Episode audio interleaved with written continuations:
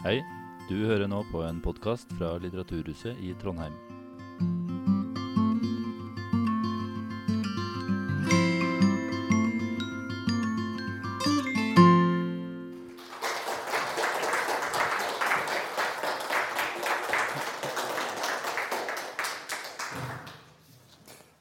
Tusen takk for det. Eh, Jeg håper lyden er grei.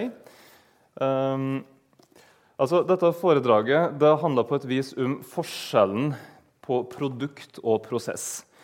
Um, de siste året har jeg altså arbeidet med å gjendikte de bevarte fragmentet av Sapfo, den greske kvinnelige poeten som levde på 600-tallet før Kristus.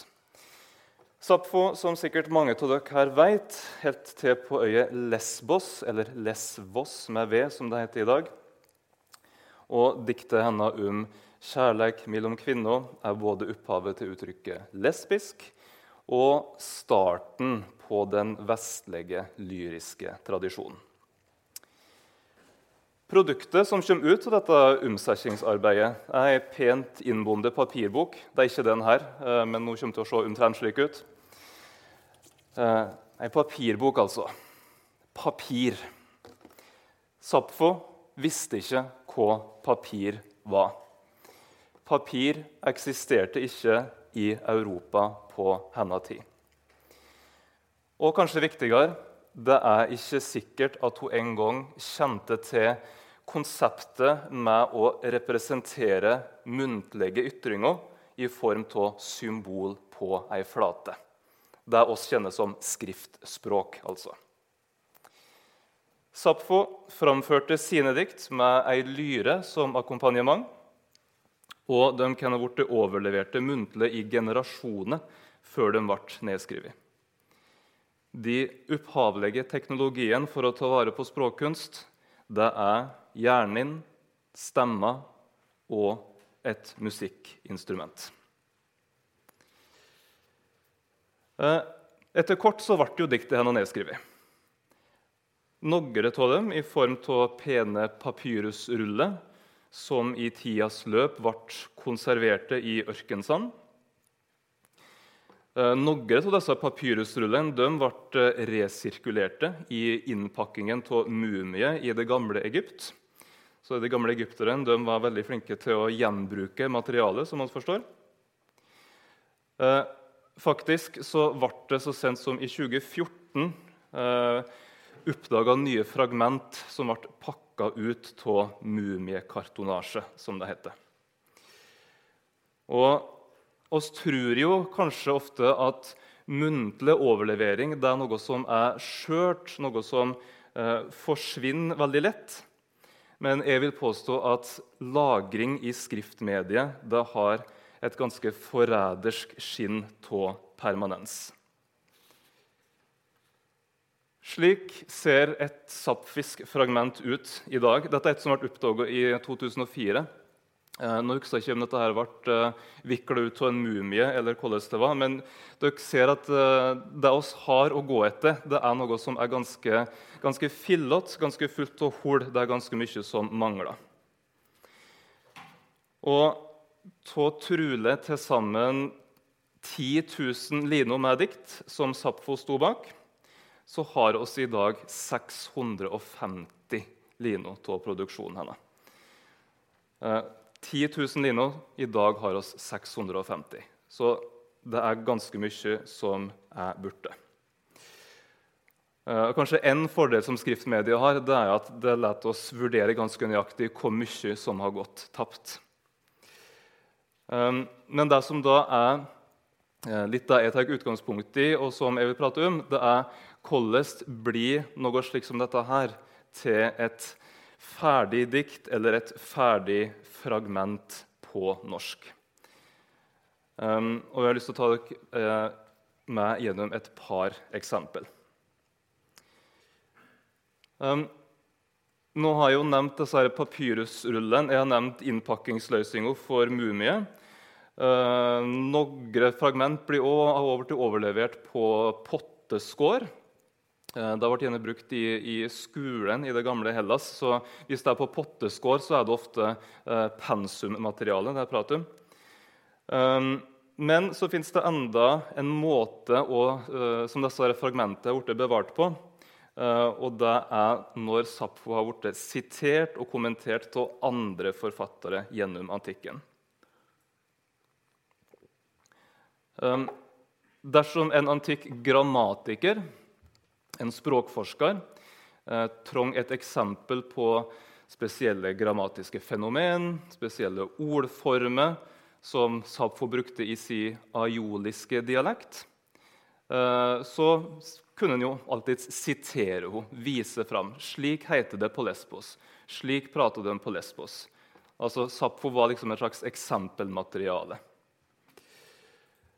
Um, og fordi at Sappho er sitert av folk som var interesserte i dialekten hennes, uh, så vet vi f.eks. at hun hadde et dikt der hun skildra gylne kikerter som vokser på elvebredda.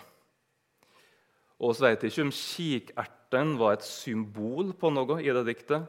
Og Vi vet ikke om det dreier seg om ei miljøskildring. Vi har bare akkurat de ordene fordi en eller annen grammatiker en eller annen gang ville dokumentere den veldig spesielle genitivsformen som Sapfo brukte. Så det var kikerten. Og så fins det andre fragment som òg handler om mat. Eh, fragment nummer 191 for eksempel, det består av ett ord, og det er selleri, eller selinna, som var den spesielle aioliske formen som noen ville dokumentere. Og nå sa jeg mat, men altså Selleriplanta ble brukt som, til å flette sigerskranse etter idrettsstevne. Så det kan være det det dreier seg om.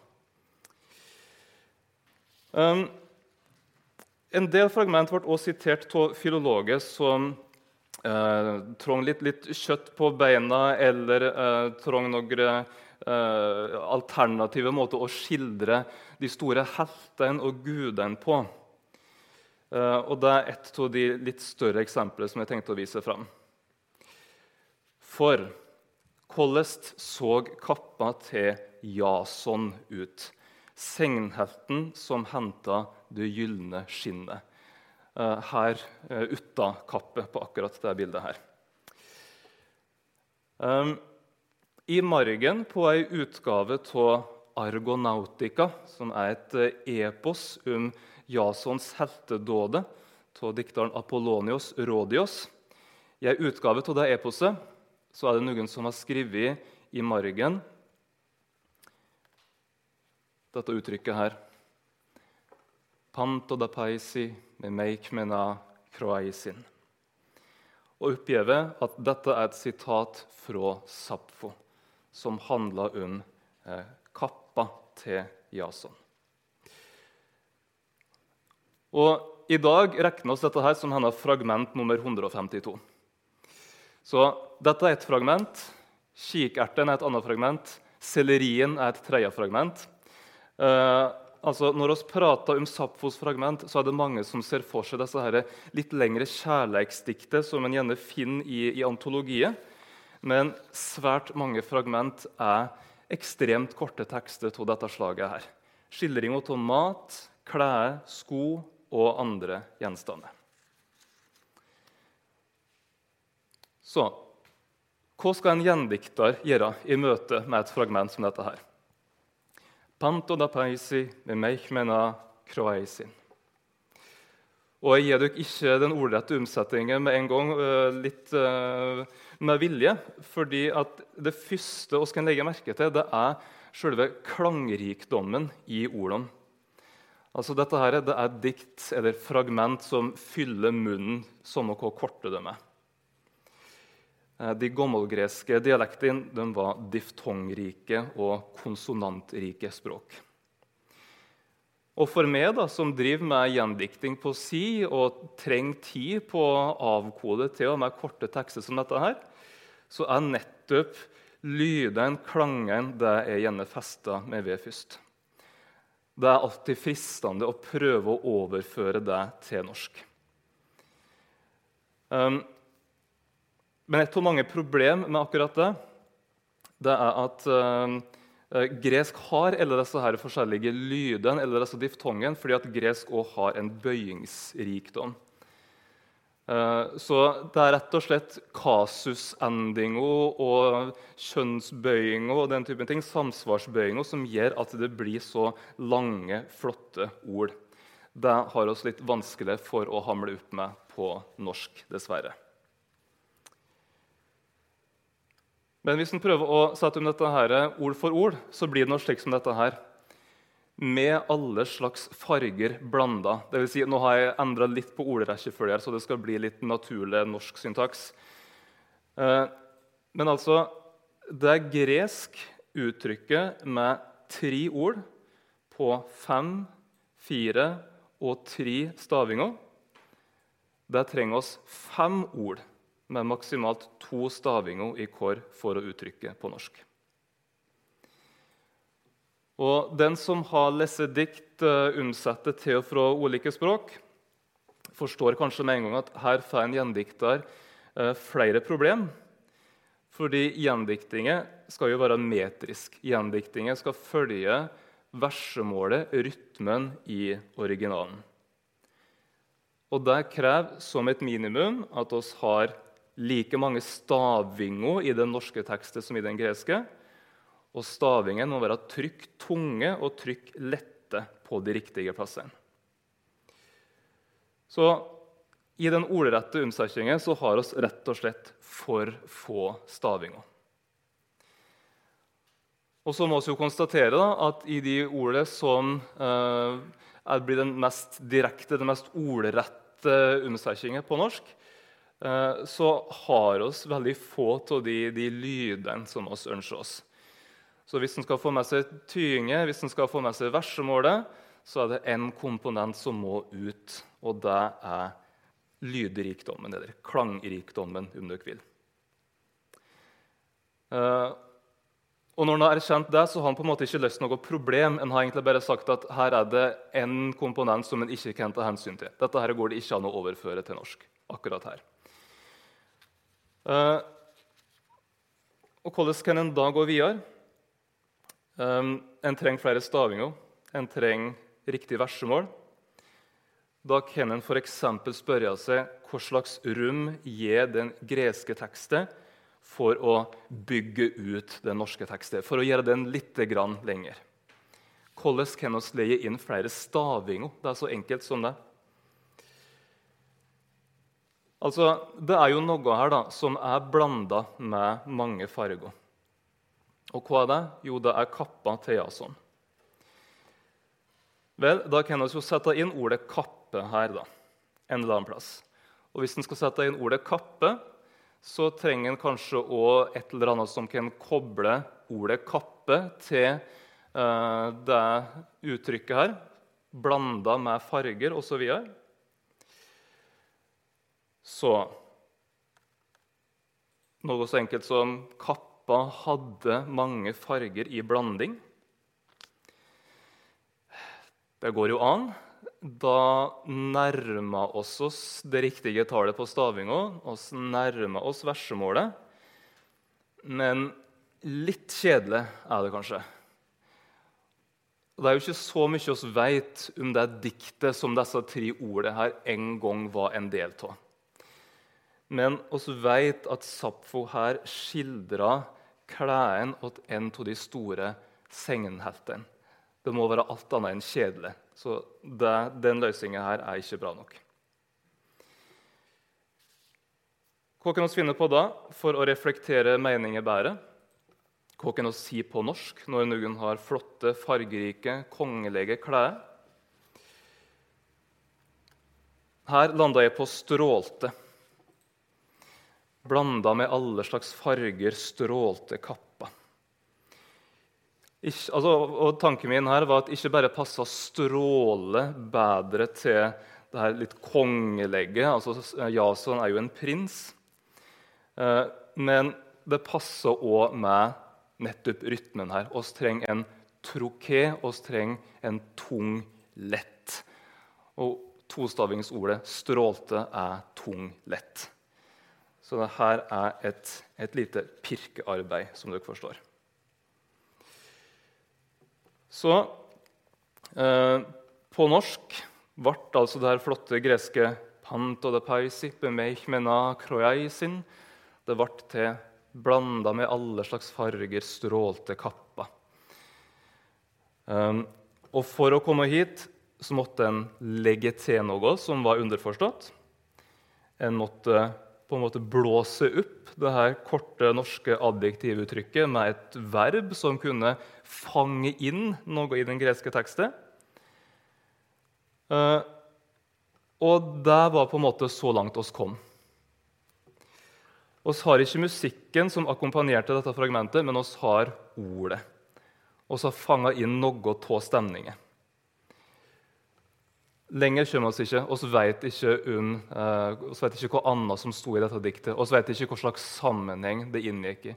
Ble det framført i en eller annen religiøs sammenheng? Kanskje. Vi vet ikke.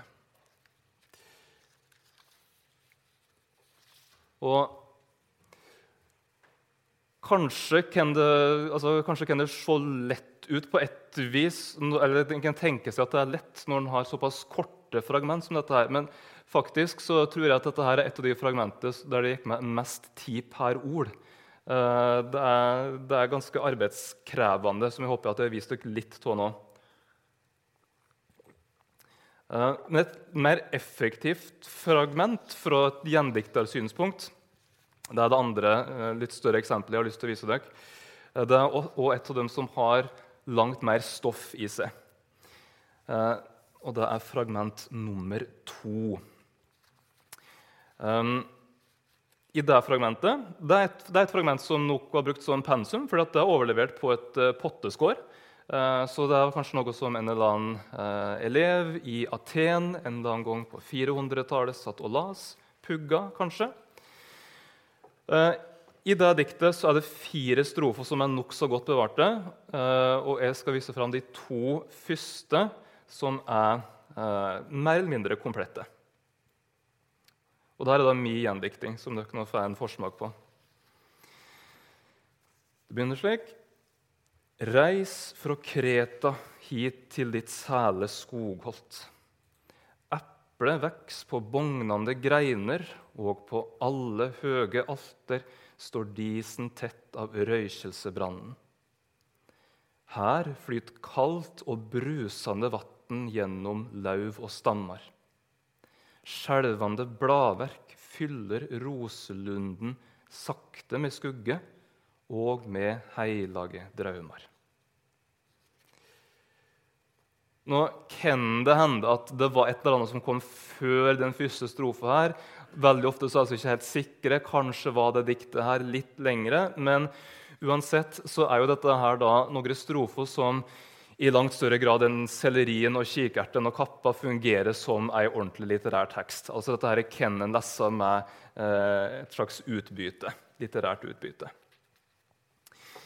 Um, dette her er et dikt som er en slags uh, påkalling eller uh, nesten en slags bønn til Afrodite. Afrodite blir uh, tiltale litt seinere i diktet, så vi vet at dette her er retta mot henne. Det er hun som skal reise hit, altså til Lesbos, da, fra Kreta.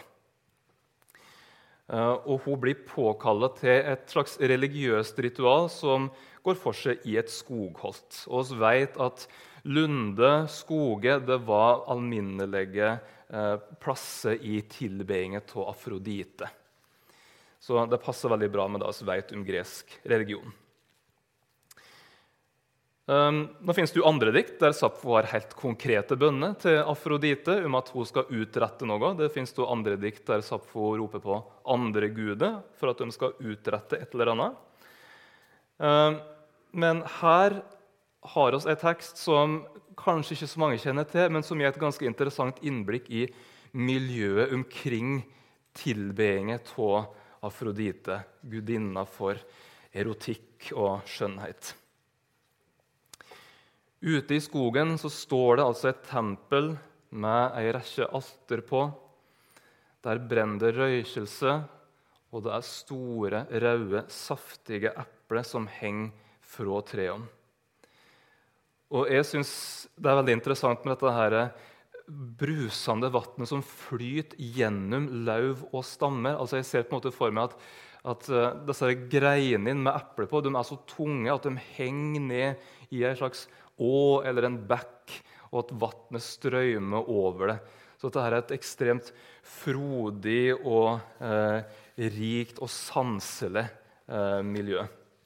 Som passer veldig bra for Afrodite. da. Eh, det versemålet som er brukt i det diktet, her, det er det Sapfo som har fått æra for å ha funnet opp.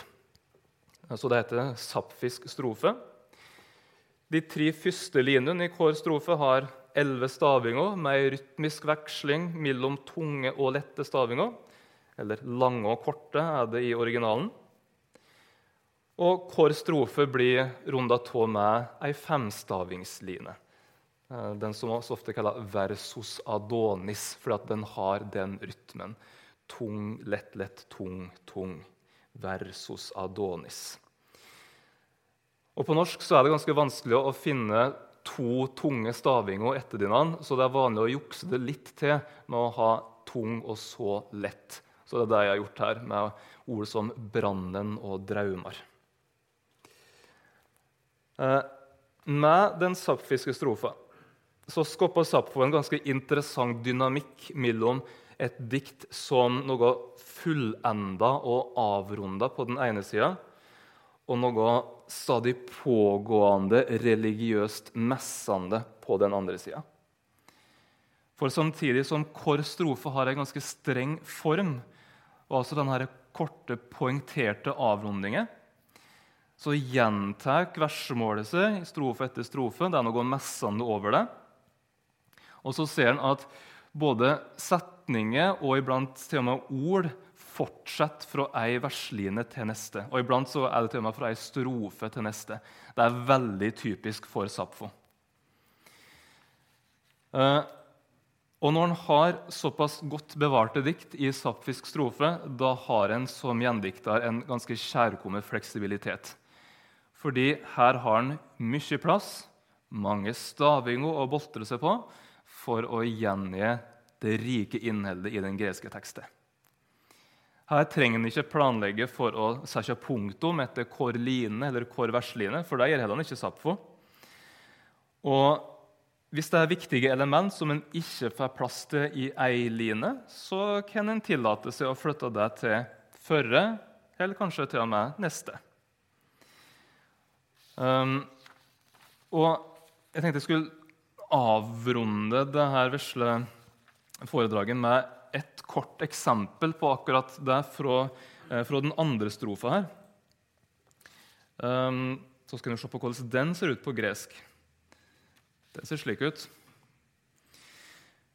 Og det lyder jo da altså Nå, nå er vi på egentlig hele den sekvensen med skjelvende bladverk fyller roselunden sakte med skugge og med heilage drømmer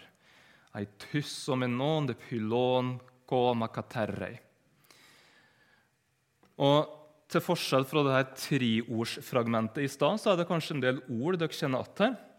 Uh, F.eks. fra biologi og medisin kan det jo være at noen kjenner igjen noe. Uh, pylon, f.eks., det er ei form av ordet pylla, som betyr lauv eller blad det som vi har i ordet klorofyll, som jo direkte omsett tyder bladgrønt. Kloros er grønt, så klorofyll er grønne blad, eller bladgrønt.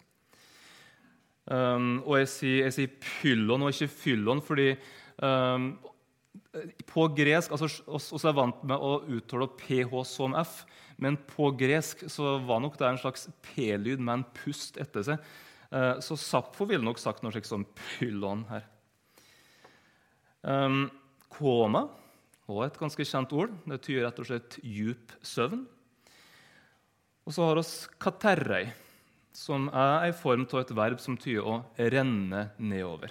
Det vi har i ordet katar. Uh, så det er en del litt ekle assosiasjoner her. Uh, medisin har ødelagt litt, for at medisin har liksom henta fullt av ord for sykdommer fra gresk. Uh, så det er litt andre assosiasjoner her kanskje enn det grekeren ville hatt. Men slik er det. Um, Og så er det jo da det første ordet i denne, eh, denne vesle sekvensen, eit hysomenon, som er et verb som uh, betyr å skjølve, men det har òg noen konnotasjoner som går på det å, eh, å sette fyr på, å tenne på. Så når jeg har sittet med dette her, så har jeg tenkt meg at eit hysomenon kanskje bruker Sapfo det ordet for at hun liksom skal gripe tennene til altså brennende røykelsesbålet i første strofa. Og så tenker meg også at Kanskje maner Sapfo her fram en forestilling om at denne skjelvinga i lauvet, eller den, uh, det vannet som renner gjennom lauvet, det, det lager en slags knitrelyd som kanskje ligner litt på den lyden et bål uh, lager. Så her prøver hun å skape en slags lydherming i hodet på tilhøreren. Uh, det er min, min vesle teori her. Men iallfall så er det Eh, så ser han at hun bruker ord som har ganske tydelige alliterasjoner. Det er mange S-lyder, R-lyder, K-lyder. Så det er vislende og raslende lyder. Eh, og disse fem ordene her de tyder direkte omsett og fra skjelvende lauv renn den djupe søvnen ned. Og Da ser dere at jeg har stokka litt um på, på innholdet i, i gjendiktingen min her. For å, gripe, for å, prøve å gripe mest mulig av de eh, konnotasjonene, de tekstlige mønstre, de, det lydlige spillet i diktet, så måtte jeg tenke veldig nøye gjennom hvordan jeg setter i hop dette her, altså hvordan jeg setter i hele strofa. Um, så jeg brukte ord som brusende, bladverk, sakte og skugge for å prøve å finne klangrike, miljøskildrende ord.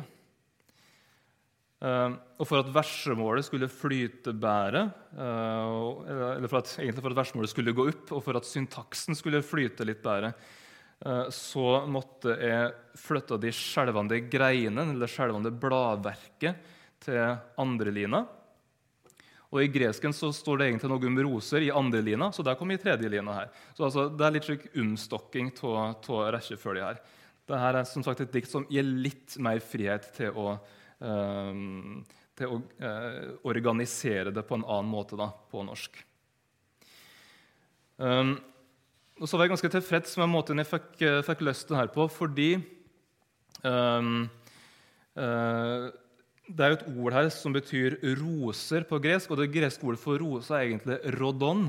og Det har vært lånt inn i latin, og det er det vi har som ordet rose. Da. Men det der er egentlig et, et eldgammelt indoeuropeisk ord som kanskje en gang i tida ble uttalt omtrent som brodon eller et eller annet slikt.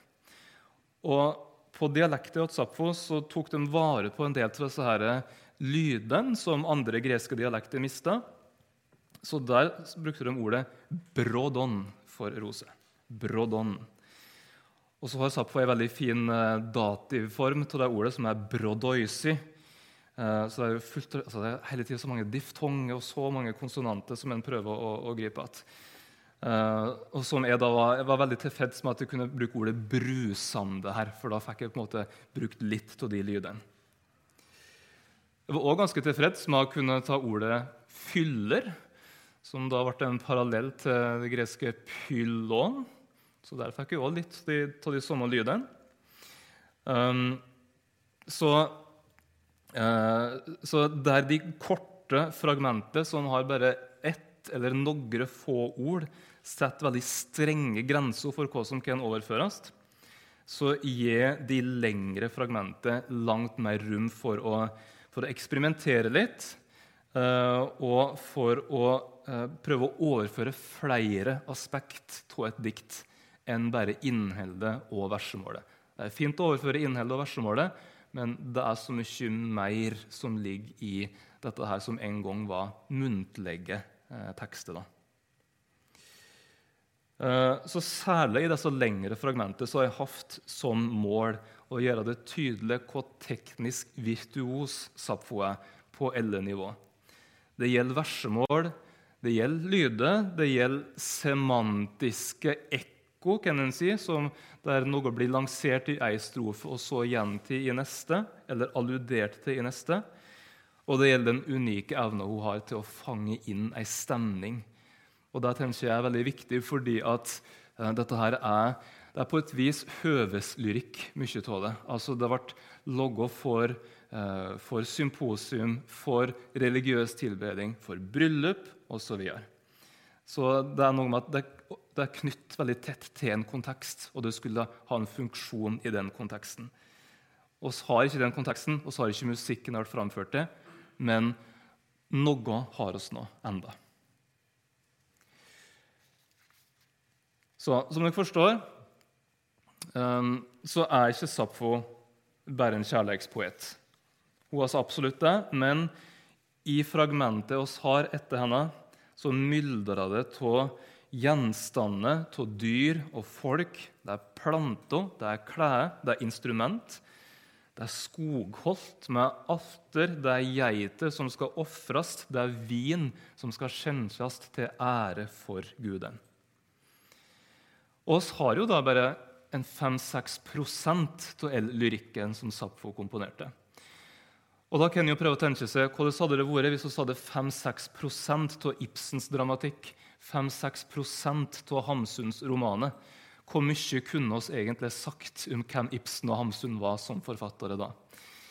Eh, så alt, alt oss vet, alt oss tror oss vet på en måte om Sapfo, det, er, det aller meste av det ligger i eh, et historisk mørke. Men altså ut av bare det her bitte vesle materialet vi har etter Sappho, så stiger det fram ei veldig frodig, materielt velstående og selskapelig vel. Det er fragment som viser fram en arkaisk middelhavskultur med kunst, religiøse fester, bryllup og drikke- og etergilde. Og Den store oppgaven til en gjendikter, den virkelige utfordringen, slik jeg ser det, det er ikke å styre seg fra å legge for mye inn i fragmentene. Altså passe på å ikke uh, overtolke eller legge for mye inn i dem. Oppgaven har jeg oppdaga. Det er nesten vel så mye å ikke legge lukk på den rikdommen som de tross alt viser fram.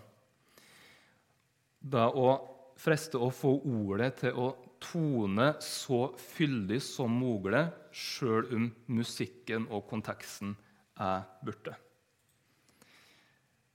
Og i hvilken grad jeg har lykkes med det, da er det jo opp til leseren av gjendiktinger å avgjøre. Tusen takk.